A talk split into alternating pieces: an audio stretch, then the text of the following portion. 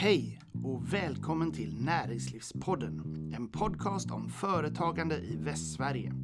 Jag heter Rudolf Antoni och är regionchef på Svenskt Näringsliv. Våren och sommaren 2020 kastade corona en lång och mörk skugga över det svenska näringslivet. Många verksamheter förlorade sin omsättning på grund av restriktioner och rädsla för smittspridning. Besöksnäringen blev av naturliga skäl mycket hårt drabbad och många såg sig tvingade att helt enkelt hålla stängt. Men även i detta mörker finns det ljusglimtar. Entreprenörer som vägrar ge upp, som hittar nya sätt att möta kunderna och som driver på helt övertygade om att det ska gå. Idag träffar vi sheriffen på High Chaparral.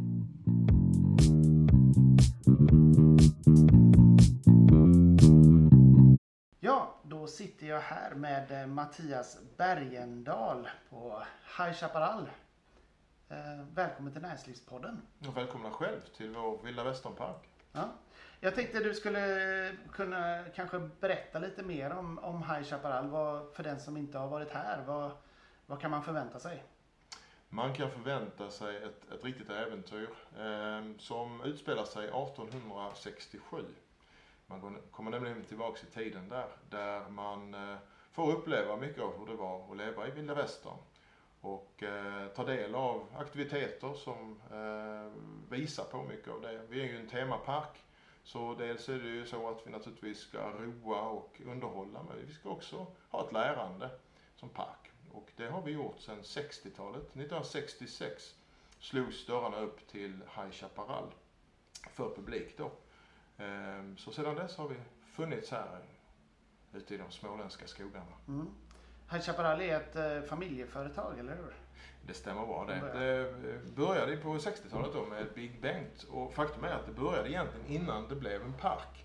För det var ju så att eh, Big Bengt var ju en, eh, och Bengt Erlandsson då, var en entreprenör här i området och eh, väldigt känd i området ska sägas. Och känd för att eh, vara väldigt duktig på bytesaffärer framförallt och en eh, sann entreprenör verkligen. Och han byggde ju upp eh, en del av då eh, det som sen skulle bli High Chaparral med eh, Telia telefonstolpar. Eh, därför att eh, han fick ett erbjudande om att ta dem och då började han bygga upp ett fort. Och eh, har man byggt upp ett fort och man har kunder så vill man ju också kunna bjuda över de kunderna dit. Då behöver man ju mat och gärna underhållning. Och sen blev det större och större. Det växte utifrån och sen det. har det då växt och sen har det då eh, 66 öppnade för allmänheten och en väldigt nyfiken allmänhet ska sägas som undrade vad det var som försiggick här inne i Mm. skogen. Och eh, sen dess har det då varit en park och den har ju sen naturligt ändrat, ändrat skep, skepnad också. Eh, Mm. senast här nu bara för några, ett antal år sedan när det blev en renodlad familjepark. Hur ser eh, normalåret ut med antal besökare och, och säsongen och sådär? 2019 var ett riktigt, riktigt bra år för High Chaparral. Eh, 160 000 besökare kom under sommarsäsongen och sen ytterligare ett antal tusen eh, under halloween och julbord sedan under säsongen. Men 160 000 var ju den, det vi kom in i 2020 med. En normalår så har vi då föreställningar, shower. Eh, vi har Vilda Västern show. Eh, vi har Lucky Luke show. Vi har eh, Zorro show och, och annat. Nybyggarna har vi en show som heter. Så det är ett normalår. Vi har 2 500, kanske till och med 3 000 på en läktare som tittar på Vilda Västern showen där. Det är ett normalår. Och hur många är det som jobbar här? 350 säsongsanställda och sen har vi då haft eh, 30, eh, 25 stycken året runt anställda. Mm. Men 350 anställda var de som signade upp för att komma hit även i år. Mm. Och kommer vi till det här året. Det är ju ett väldigt speciellt år 2020 med eh, coronakris och alltihopa. Och eh, du själv började ju som VD strax dessförinnan i februari tror jag det var. Stämmer bra det Tillträdde som. VD för High Chaparral. Eh, Och eh, kan du beskriva hur det var att komma in ny här den första tiden? Det första jobbet, där det första jag någonsin har fått göra är att åka rakt in i en syateljé för att kittas till att bli sheriff. Den är oslagbar och jag tror inte jag har hört om någon som har fått börja ett jobb så häftigt som jag fick faktiskt. Ehm, det var första dagen. Eh, sen har jag ju beskrivit det som att de, den första veckan var väldigt lugn. Jag gick runt i parken, lärde känna kollegor, fick en känsla för High Chaparral. Ehm, sen ändrades det något när vi tre veckor i rad sedan eh, tampades med en ganska enorm eh, översvämning här i området. Så eh, första veckan var lugn. Sen blev det översvämning och sen blev det ju faktiskt lite mer utmaning sen längre fram också. Ja. Och eh, hur började ni se eh, utmaningarna med, med coronapandemin och, och de varningssignaler som fanns och sen hur det utvecklades även i, i Sverige. Eh, hur, hur såg ni an framtiden i början av våren här? Ja, jag har faktiskt själv gått igenom datumen. Det är rätt spännande när man, när man tittar tillbaka och ser när gjorde vi vad och när visste vi vad. Och eh, man kan säga att coronavåren eh, började för oss egentligen den 10 mars. Det var nämligen datumet då vi hade vår första avstämning med en konsult som eh, vi anlitade som då är doktor i molekylär cellbiologi. Han har ju lärt sig väldigt många titlar nu under det här året, ja. inte minst. Och eh, hon blev ett, eh, Ann-Katrin hette hon förresten, eh, blev ett jätteviktigt bollplank för oss för att överhuvudtaget förstå vad är en pandemi? Och ska vi ge upp nu? Ska vi hoppas på, en, på att kunna öppna parken och i så fall när? Är det realistiskt att tänka mars, äh, maj ursäkta, eller är det mer realistiskt att tänka längre fram i sommar? Hur kan det se ut? Mm.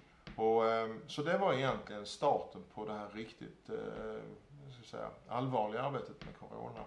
Och eh, ett par dagar senare la vi upp information på vår hemsida den 12 mars där vi då började prata om sommar och covid och länkade till diverse olika informationssajter och Folkhälsomyndigheten. Så att det kan man väl säga blev startpunkten på vårt verkliga covid-19 arbete och då var det faktiskt på dagen en månad jag hade varit på jobbet. Ja, det är en, en lagom utmaning att ta sig an. Det var tur du hade sheriff-outfiten på och klar vid det laget. Och sen eh, så valde ju ni att eh, hålla öppet. Ehm, besöksnäringen i stort är ju en av de branscher som har drabbats hårdast och eh, många aktörer har ju, har ju sett att de har varit tvungna att, att hålla stängt. Hur, hur eh, ehm, resonerar ni? Hur gick era diskussioner där? Så för oss, när det gäller att, att öppna en park, så är det viktigt att vi har ett fokus. För vi visste ju inte riktigt hur det skulle se ut. Och i samråd med vårt bollplank som jag då eh, trycker mig, det stod ju ändå klart att jo men det, det, kan finnas en möjlighet att öppna i maj. Det gör det. För en pandemi normalt utvecklar sig på det här sättet fick vi då beskrivet för oss. Och eh, det gjorde så att vi måste ha ett fokus på den 21 maj, mars, maj, förlåt, jag säger mars av anledning. Eh, vi måste ha fokus på den 21 maj därför att vi måste ha redo då. Sen om det är så att vi behöver flytta fram öppningen, ja då får vi göra det. Men vi måste vara redo. Så det blev ett internt fokus på det datumet oavsett vad som skedde runt omkring oss. Självklart var det ju sen så att vi fick ju verkligen jobba med planer och alternativa planer och scenarier, inte minst ekonomiska, mm. för vad det här skulle kunna tänkas leda till.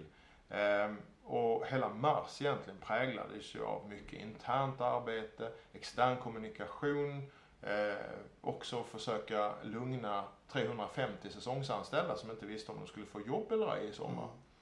Mm. Eh, och återigen, jag gick ju igenom lite gamla saker från, från våren här mest eh, på kul. Och då såg jag en fråga som jag fick av en journalist eh, mejlad till mig den 4 april. Och eh, det var ju i den här vevan då det var väldigt mycket osäkert. Mm. Och den här frågan var, du kan väl inte mena att ni fortfarande tänker att ni ska öppna den 21 maj? Lite, lite tuff fråga. Men vi, vi var tydliga. Jo, vi jobbar mot det. Det är vårt mål. Vi ska öppna den, den 21 maj och det levde vi kvar i. Även om det sen var eh, det som väntade på oss då var ju en process med tillståndsbevis från Polismyndigheten och vi avvaktade ju hela tiden besked från Folkhälsomyndigheten och regeringen också vad som komma skulle. Men vårt fokus, det fick vi inte tappa. Ja. Och eh, hur eh, ställde ni om verksamheten då för att, för att kunna, kunna öppna den 21 maj och, och köra sommarsäsongen? Ja, under eh, maj månad, eh, framförallt eh, faktiskt redan i april, så samlade vi personalen eh, en gång om dagen faktiskt under ett par veckor. Där vi gick igenom alla aktiviteter vi har i parken. Ah, showerna, butiker, restauranger, precis varenda del och beståndsdel i vår verksamhet. För att checka av, kan vi ha det öppet, kan vi ha det stängt eller måste vi ha det stängt, kan vi göra det, kan vi göra detta. Och det arbetet ledde sen till nästa och det var tillståndsbevisprocessen. Mm. Där vi redan hade förberett att vi vet redan från början att vi, vi tar bort shooting range, vi tar bort ponnyridning. För det är för många kontaktytor sa vi, så det, det, kan vi inte göra på ett ansvarstagande sätt. Samtidigt så börjar vi med våra shower. Det är 50 som gäller. Då gör vi så. Vi öppnar med våra shower för 50 eh, åskådare åt gång, eller ja, samtidigt i hela parken. Och vi hade ju ett väldigt speciellt upplägg där. Men det var så vi började. Och, eh, men det var, alla i personalen var med och satte upp ramarna för hur det skulle bli. Och sen gick vi till verket. Mm. Hur blev det då? Kunde ni eh, köra de här showerna eller hur, hur agerade ni under sommaren? Ja, vi började faktiskt på det sättet att vi hade då tre stycken föreställningar. Eh, vi har, hade Wild West Show.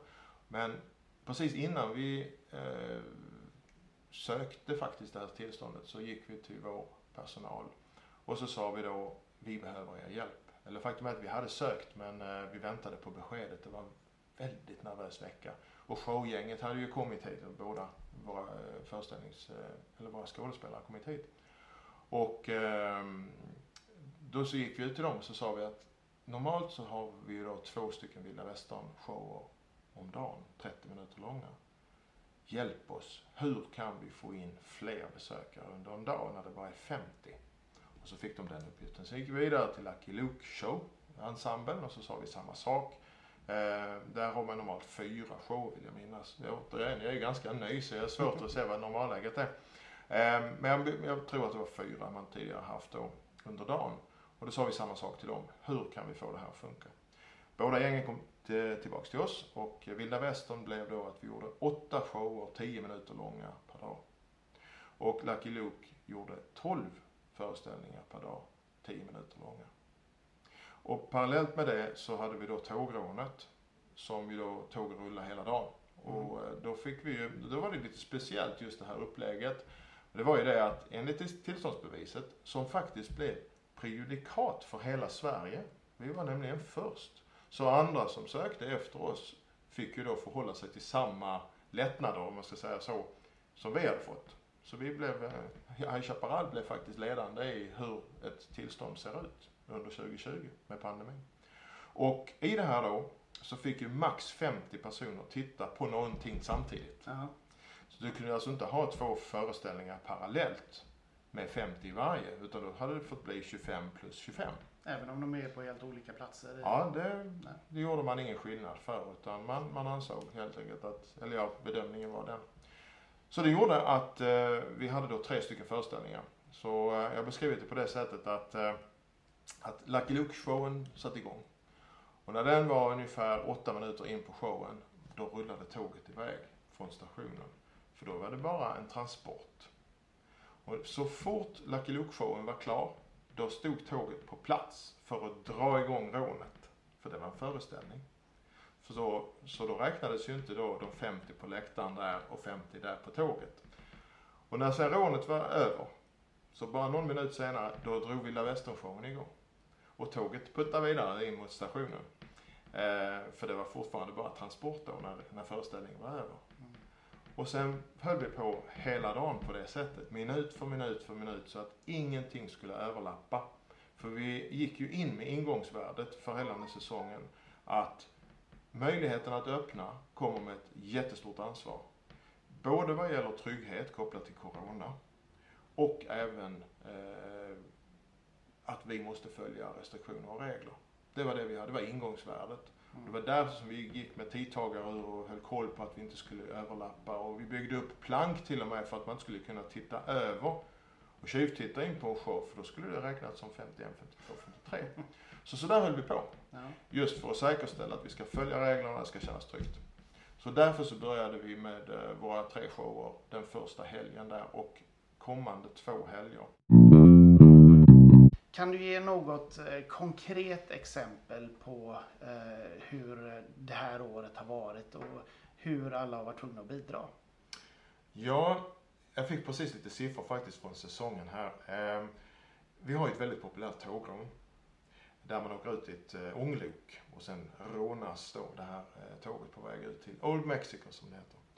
Och under normal säsong, normal, eh, normal säsong så reser 150 passagerare max ut till det här rånet. Men i år så kunde vi bara ha 50. Så en tredjedel. Och siffran som jag hade fått, det var att förra året så åkte 107 000 besökare detta tåg. I år, om man nu räknar snabbt så skulle man kunna tänka sig att det skulle kunna då vara en tredjedel. 70 000. Så från 107 000 ett normalt år till 70 000 det här året. Det säger väldigt mycket om hur vår personal verkligen gjort allt för att dessa tåg, vi har två lok och eh, sex vagnar, att de ska ha snurrat runt, runt, runt, runt så mycket det bara går för att våra besökare skulle få chansen att ta del av det här tågrånet. Så det är en sån där siffra som jag har med mig som verkligen belyser vilken skillnad man har gjort bland personalen. Men vi såg direkt att det här är inte hållbart. För vi sa det att ingångsvärdet är att varje dag så kan max 400 personer se Vilda Västern show. Hur vi än gör så får vi inte in fler. Och 600 personer max kan se Lucky Luke show. Inte fler. Vi kommer få väldigt många besvikna besökare som inte har en chans att se. Mm. Det är ohållbart. Så under de här veckorna som eh, vi ändå, under helgerna när vi hade öppet då, eh, hade de här föreställningarna, så gick vi till verket i att titta på hur gör vi istället? Och det var då som vi började den stora omställningen till, eh, i linje med vårt varumärke, bli en del av äventyret. Ja, kan du berätta lite mer om det? Vad, vad innebar det för, för de som arbetar här till exempel? Vad, vad var det som var nytt då? Då var det nya att istället för en föreställning som ju då är en, eh, en allmän eh, sammankomst eh, med den här 50-begränsningen då. Då blev det istället att all personal var framme hela dagen. Alla karaktärer, Zorro, soldaterna, El Capitan, Elena och även våra westernhjältar i River City, Lucky Luke, Dalton, bröderna Dalton och Lucky Luke och mamma Dalton. Alla var framme hela dagen. För att interagera med med eh, familjer och barn. Och det här ledde då till att, eh, eftersom vi inte hade föreställning, utan det var ju egentligen som vilken strand som helst, som vilken, vilket köpcentrum som helst. Det gjorde att vi inte hade den här begränsningen. Men det blev också effekt, eh, eh, en, en speciell effekt av det. Och det var att i och med att det inte var en föreställning vid ett utsatt, en, en utsatt tidpunkt, så gjorde det att vi inte hade de här jättestora samlingarna heller. För folk kom in och tittade lite grann och barnen fick leka med och, och, och eh, prata med de här westernhjältarna och sen gick man vidare och gjorde någonting annat i parken. Så det blev ett helt annat typ av flöde mm. i parken när eh, alla sågs, alla barn fick ju faktiskt vara väldigt nära action. Eh, och köra line dance med Daltonbröderna och Lucky Luke och, och prata med dem, ta foto med dem. På Westernarenan så hade vi en aktivitet där barnen står på en liten låda och får kasta sig framåt till mamma eller pappa som kanske tar en bild. Och i bakgrunden så gick en explosioner. Det blev jättepopulärt. Ja. Och den typen av interaktiva aktiviteter blev väldigt populära. Vi hade en annan aktivitet eh, som inte kunde tidssättas utan det bara hände under dagen. Någon gång så sa, samlade gänget ihop sig och sa att Nej, men nu kör vi jaga bovar. Så då stod barnen längst ner på sanden för första gången någonsin på arenan. För normalt är det bara skådespelare och hästar som är där. Men då kom man ner på sanden och stod bredvid ett stängsel. Och så äh, agerade ju då skådespelarna som bovar och sprang runt i de här westernkulisserna i den här staden. Och så fick ju då äh, barnen stå där nere och jaga bovar. Och så sprang de runt där. Och jag har nog aldrig sett så glada barn som när de fick vara med och det var ju verkligen på riktigt. Mm. De fick vara en del av vilda västern på riktigt. Det, det låter ju onekligen roligt som att barnen skulle uppskatta det. Eh, hur, hur uppskattade skådespelarna det här? Var det, var det jublande? Eller, för jag tänker att det är en sak att vara eh, uppträda och en annan sak att vara lite mer lekledare och interagera. Så att, hur har det eh, fungerat och jag tänker, har det varit en utmaning för dig som ledare att få med alla på det här? Jag måste säga att eh, varenda person som har arbetat här, om det så är skådespelare, någon som har jobbat i butik, eh, hästskötare, vem den är så, jag är så enormt stolt över allas insats, verkligen. Det, man kan nästan inte ta ut någon i den gruppen för alla har gjort en insats och alla har tagit hand om våra besökare och verkligen säkerställt att det här ska bli bra. Det ska bli en bra sommar. Ehm, och där har alla bidragit oavsett vad man har jobbat med. När det gäller skådespelare så, så ingår det i den gruppen. Ehm, det är klart att vi har ju haft utmaningar. Vi har haft utländska skådespelare. Jag tänkte själv, du sa till en, en person från Tyskland att säga, nej men det blir ingen show nu utan gå ner på sanden och interagera med barn på tyska. Alltså det blev ju jättesvårt så det är klart att det har varit utmaningar. Mm. Och eh, på motsvarande sätt så vi har ju jätteduktiga skådespelare. Riktigt duktiga skådespelare. Som är vana med manus och levererar en roll. Och de kom ju i början och sa att alltså, jag har sådana kvalitetskrav på mig själv. Jag ska leverera en roll. Och jag har en utmaning att göra det under en hel dag. Såklart. Mm. Men då sa jag, men jag fattar det. Jag har jätterespekt för, för skådespelare och deras yrkesutövning såklart. Men samtidigt så försökte vi då säga att barnen har inte samma kvalitetstänk om man säger så. Utan prata med barnen, de kommer bli jätteglada. Mm. Så började den där dialogen. Och de har ju varit jätteflexibla i det här. Och det är nog inte alla som har tyckt att det var det bästa de har gjort någonsin. Men man har ändå tillsammans bestämt sig för att nu ska vi få det här att bli bra. Och kopplat till det så har ju alla våra showgäng har ju fått fria tyglar i att, eh, att man själva har fått hitta sina lösningar. Och det ska sägas, det har tagit en sommar. Mm. Man har gjort en interaktiv aktivitet som man sen efteråt och sen, nej det här blev inte så, så bra, vi skruvar lite. Och så skruvar vi lite till och så gör vi lite annat. Och så har hela sommaren sett ut. Men det, det positiva effekten är det att jag har jättemånga besökare som har varit här flera, flera gånger och sagt inte en enda dag har varit lik den andra. Så det finns ju något positivt i det också. Mm. Men vad gäller skådespelare och övrig eh, personal så det är klart att det har funnits utmaningar och det har och där har det ju varit viktigt att kommunicera just vad vi får göra och att vi gör det för att vi måste göra det vi får göra. Mm. Och eh, så jag brukar säga det att i sådana här fall så får man ju verkligen överkommunicera och verkligen finnas på plats. Det har varit väldigt viktigt för mig i år. Eh, det kommer att vara varje år. Men kanske i synnerhet i år. Att vara ute precis lika mycket som dem. Mm. Att stå där precis på arenan bredvid dem när de agerar. Jag finns där. Och visa den, eh, den eh, att, att, man är, att man är närvarande. Det har varit jätteviktigt. Det är nog faktiskt det viktigaste som har funnits under den här sommaren. Mm. Av allt skulle jag tro. Um, hur har det gått? Nu, nu är det en, en helg kvar här mm. Eh, av den här säsongen. Uh, med alla utmaningar som har varit så, och med reserestriktioner och alltihopa så utgår jag ifrån att det har varit en tuff säsong oavsett så att säga. Men hur pass bra har ni klarat er tack vare det som ni har gjort? Ja, alltså ingångsvärdet i den här säsongen handlar ju egentligen att så fort det stod klart med Corona och pandemi och så, då gick man ju bort från att vi ska ha en ännu bättre sommar än förra året, som man mm. normalt tänker, yeah. till att bli att nu ska vi minimera skada. Mm. Och det tror jag nog att alla i hela besöksnäringen skriver under samma sak, att det handlar inte riktigt om att göra en toppsommar, utan det handlar om hur, hur minskar vi skadan? Och det har också gällt för oss. Så eh, alternativet att inte öppna hade blivit förödande. Så allt annat än det har ju varit en framgång kan man ju då säga. Ja. Eh, och på många sätt så har det ju varit det. Men vi kommer nu att kunna summera en sommar där vi ligger på ungefär eh, 75% av förra årets eh, besöksantal. Och tittar vi tillbaka till för förra året var riktigt bra här, så jämför vi med samma för 2018, året innan, så kommer vi ligga strax över 80 procent jämfört med det. Och ser man till det, så det är klart att det måste vi ju vara väldigt glada och stolta för. Mm. Men samtidigt är det ju då den här bistra verkligheten att vi kommer att ligga på mångmiljon eh, tapp i omsättning. Mm. Så det är lite grann den här perfekta stormen. Man gjorde allting rätt och man uppnådde väldigt mycket. Men det var fortfarande en storm. Mm.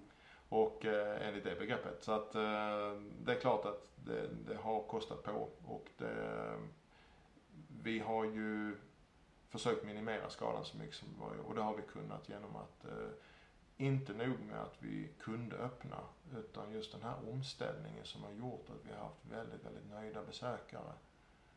Och det har ju varit fantastiskt att se just när vi har fått inlägg efter inlägg på Facebook inte minst. Eller folk som har kommit tillbaka till parken. Barn som har sprungit längs med eh, Vilda Västerngatan och skrikit till sina föräldrar. Det här är min bästa dagen i hela mitt liv. Jag menar hur kan man inte slås av det som något alldeles fantastiskt. Eh, så att, eh, och just det här med Facebook när vi har fått väldigt många som har gått in framförallt och uttryckt att de har känt sig trygga. Och för det vill vi också ta höjd för. Vi har ju bevakat det jättenära. Minsta som någon har sagt att app, nu kände jag mig inte trygg, då, hade vi, då måste vi vara tvungna att agera. Och det ska sägas att när vi kom in i högsäsong så hade vi inte haft så höga antal. Eh, reserestriktionen släppte ju den 13 juni. Det var precis samma helg som vi började med vårt nya upplägg och den här omställningen då. Och då såg vi en förhöjd bokningsnivå, det gjorde vi. Det, men inte i läge som förra året. Nej. Och det gjorde att, eh, det där fortsatte också ska jag säga in i juli. Och det gjorde att vi var inte riktigt sådär så att vi tänkte att, att vi kommer nära vårt tak. Vi hade ett tak. Vi hade en begränsning där vi satte upp i bokningssystemet att inte över den här siffran. Men i högsäsong så tog vi då in enligt den siffran och upptäckte att nej, det var faktiskt för många. För det är ju så att det fanns ingen facit den här säsongen på någonting. Man fick testa sig fram. Ja. Och då kände vi att nej, trängselmässigt så var det inte så. Mm, Alltså det kunde varit värre om man säger så. Men för att det ska upplevas som att det är tryggt också så är det jätteviktigt att eh, vi, vi sänker antalet. Så vi sänkte antalet besökare. Och sen gjorde vi en gång till. För vi kände fortfarande att nej, vi har inte riktigt hamnat på rätt nivå. Så det var några dagar där som vi nog var, som vi kände själva att eh, hade vi varit besökare så hade vi nog tyckt att det var mycket folk. Och det är klart att köerna blev ju mycket längre i, i och med att vi hade, vi hade avstånd också. Mm. Så det är klart, kommer du hit här på morgonen klockan 10 och parken ska öppna och du ser en eh, jätte, jättelång kö. Det är klart att du tänker att här är det trångt. Men nej, det behöver det inte vara för kön är ju lång för att det inte är trångt Mm. just med avståndstagande. Mm. Så eh, vi, vi hade de där utmaningarna just kring eh, de dagarna där. Men sen fick vi ner det på en nivå där vi kände att nej, men så här kan vi nu ha det fram tills att eh, besöksantalen gick ner lite grann. Så vi har också lärt oss jättemycket. Mm. Ehm, regeringen har ju agerat en del eh, med stödåtgärder och liknande eh, Eh, och eh, lämnat besked om olika eh, insatser och sådär löpande under den här perioden. Mm. har ni kunnat dra nytta av några av de här stödåtgärderna som man har tillhandahållit? Och är det någonting som ni känner att ni har saknat? Eller när det gäller att få besked till exempel?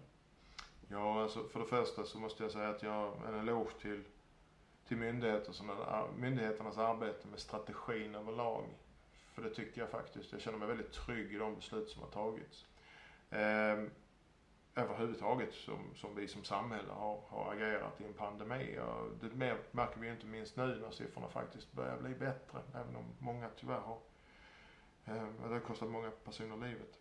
Men med det sagt så det är klart vi fick ta del av, vi har ansökt om eh, omsättningsstöd men det var ju för mars och april. Mm. Och då har inte vi öppet. Ja, vi hade viss verksamhet öppet ska jag säga med restaurang och så. Men, eh, men inte som, som park utan det är ju sen senare. Mm. Så- Så det är klart det fanns ju en begränsning där men det har vi ansökt om för att få stöd där. Ehm, vi har ju nog tagit en liten annan riktning i det jag tänkte att vi ska inte fastna i det där utan vi, vi ska vi ska, vi ska lösa det här. Vi ska ta oss igenom en säsong, vi ska göra det så bra som det någonsin går. Och sen kan man titta på de här mer tekniska bitarna, kan man få stöd och sådär. Utan vi har ju mer sagt att nu ska, vi, nu ska vi fixa det här så gott som det bara går. Det som väl har varit en jätteutmaning för oss, det har ju varit att som aktör få vänta så länge på olika besked. Och det finns ju en stor ödmjukhet att det är väldigt svåra beslut att ta. Men samtidigt, som aktör för en sommarsäsong, så är det väldigt sent att få besked en vecka in i juni. Eller några dagar in i juni. Det är jättesvårt. Motsvarande nu ser vi ju när eh, kulturbranschen verkligen går på knäna och det diskuteras om en, en förändring den första oktober. Då är ju en väldigt stor del av en höst gången redan. I synnerhet om du ser till, till eh, planeringstid som behövs. Så just beskeden, det är ju där som det har varit en jättesvår, jag fattar att det är svårt att ge besked men så det är väl en del. Den andra typen av utmaning vi har haft det är ju det här att vi har ju följt ordningslagen till punkt och pricka. Vi har verkligen följt restriktioner och vi har vi satte ju upp planken bara för att man skulle kunna tjuvtitta. Alltså vi har verkligen försökt göra allt i vår kraft för att vi inte skulle bryta mot några regler. Samtidigt så har vi då upptäckt sådana här speciella delar i att eh, vi har haft stuntträning. Men då vet jag att vi hade en skådespelare som vid tillfälle sa att Ja, bakom mig här nu så tränar eh, våra stuntmän och kvinnor eh, stunts, vilket är helt okej. Okay. Det är ingen föreställning utan det är träning, så det är så. Men, men så sa vederbörande, och här bakom har vi då Martin. Nej, det är uppvisning. Det får vi inte göra. Så det blev det sådana, och någonstans i det här. vara anonyma stuntmän som Ja, tränade. exakt, så träning. Och mm. någonstans i det här så har det ju varit lite trubbigt verktyg har jag fått sagt till mig själv, jag har mest varit angelägen om att göra allt vi ska och sen så ska vi driva en, en park i sommar. Men jag har ju förstått det från många att just det här verktyget när du kan vara på en restaurang, många sitter och äta, men om du har en, en eh, person som ställer sig upp och sjunga, då är det inte okej okay längre och då måste kanske nästan alla gå, höll jag på att säga, eller de stora istället. Vi har ju hört om de här fallen. Och det har väl gjort att de här beslutet just kring att koppla det till en lag har ju varit lite trubbigt för många aktörer och där har ju även vi drabbats. Vi har jobbat med det och jobbat runt, jag ska inte säga jobbat runt det, men vi har jobbat med det här för att få en bästa lösning. Men det är klart att en förhoppning framöver, det är ju att få jobba kanske med andra parametrar. Så att det inte blir de här konstiga detaljerna mm. som gör om en, en aktör kan driva verksamhet eller ej. Så det kan man väl ha som en liten förhoppning. Men som sagt generellt sett så tycker jag att, eh, att själva strategin i sig är bra. Men, men vi har ju haft lite utmaningar med det, det har vi. Mm. Hur tror du eh, framtiden ser ut för eh, nöjesparksbranschen? Kommer, kommer det här att sätta spår i hur man arbetar framöver, tror du? Det tror jag absolut. Det, det, det, tror, vi tar ju med oss, dels tar vi med oss väldigt mycket om det positiva. Eh, just kring hur man faktiskt kan jobba. Eh, nu fick vi ju testas på alla möjliga olika sätt så att så det har ju den aspekten i det att eh, verkligen vara snabbfotad och ännu mer än vad vi har varit tidigare skulle jag säga. Men den andra aspekten är ju också när den här typen av, eh, egentligen något som vi aldrig har varit med om, dyker upp. Det första vi började titta på i mars där, i samband med att vi hade vår projekt med den här eh, eh, doktorn i molekylär cellbiologi. Ehm, då tittade vi även på vår försäkring. Och vi hade epidemiförsäkring. Som inte gjorde någonting. Det var väldigt många som upptäckte det också. Jag tror vi var bland de första som upptäckte det faktiskt. För att, eh, men det, det gjorde ingenting. Och vi hade också anställningsavtal. Där, oavsett om vi öppnar eller ej, så var vi tvungna att, att fullfölja, fullfölja dem. Så det är klart att vi kommer att ta med väldigt mycket i det framåt i hur man överhuvudtaget jobbar med verksamhet och det tror jag inte vi är ensamma om. Ehm, så det kommer vi ha med oss. Ehm, och överhuvudtaget eh, just rigga för att, att ha en öppning i, i all form av planering. Att det kan dyka upp saker och ting som ställer, ställer om allt. Ehm, det tror jag att man får ta höjd för. Och det tror jag alla aktörer får göra nu. Så att det handlar ju om lite grann med att jobba med ekonomiska scenarier och förberedd på att precis vad som helst kan hända för vad som helst hände. Mm. Och eh, så det, det, får man ta med sig. Och i, i allt strategiskt arbete egentligen. Om vi nu eh, avslutningsvis här eh, säger att till nästa säsong så har vi ett vaccin framme, eh, det har lugnat sig, vi har ingen ny pandemi på gång. Så här. Eh, vilka är godbitarna i årets säsong som du tänker att men det där ska vi nog fortsätta göra? Ja, när vi skulle göra en omställning så blev det väldigt viktigt att vi verkligen tittade inåt och tänkte vad är vårt varumärke? Vad är vårt kundlöfte? Och utifrån det sedan skapa någonting. För det var som, vi hade ju en tidigare diskussion just kring att det är så lätt att man nästan i ren desperation gör vad som helst för att få både besökare och kunder och intäkter och allt vad det är för någonting. Men vi gjorde ju så att vi gick inåt först och tittade på det här med att bli en del av äventyret. Och det ledde sen till det här interaktiva, att du verkligen får bli en del. Alltså de här springande barnen på, på eh, stadens gator och så med, eh, med våra västernhjältar. Eh, det blev det viktiga och det ska vi ta med oss. Vi ska ta med oss alla de här fantastiska lärdomarna om just hur viktigt det var, vilken utdelning man får av detta interaktiva. Det ska vi ha med oss, men jag kan redan nu berätta att vi kommer att ha minst fem scenarier redo inför nästa sommar. Med lärdom av vad vi har gjort i år, men också att vi tar höjd för väldigt många olika alternativ. Så att eh, det lät väldigt, väldigt härligt när du beskrev en normal sommar, men vi tar höjd för flera andra scenarier också i vårt arbete. Men just den här delen av bli en del av äventyret, den ska vi maxa nästa år.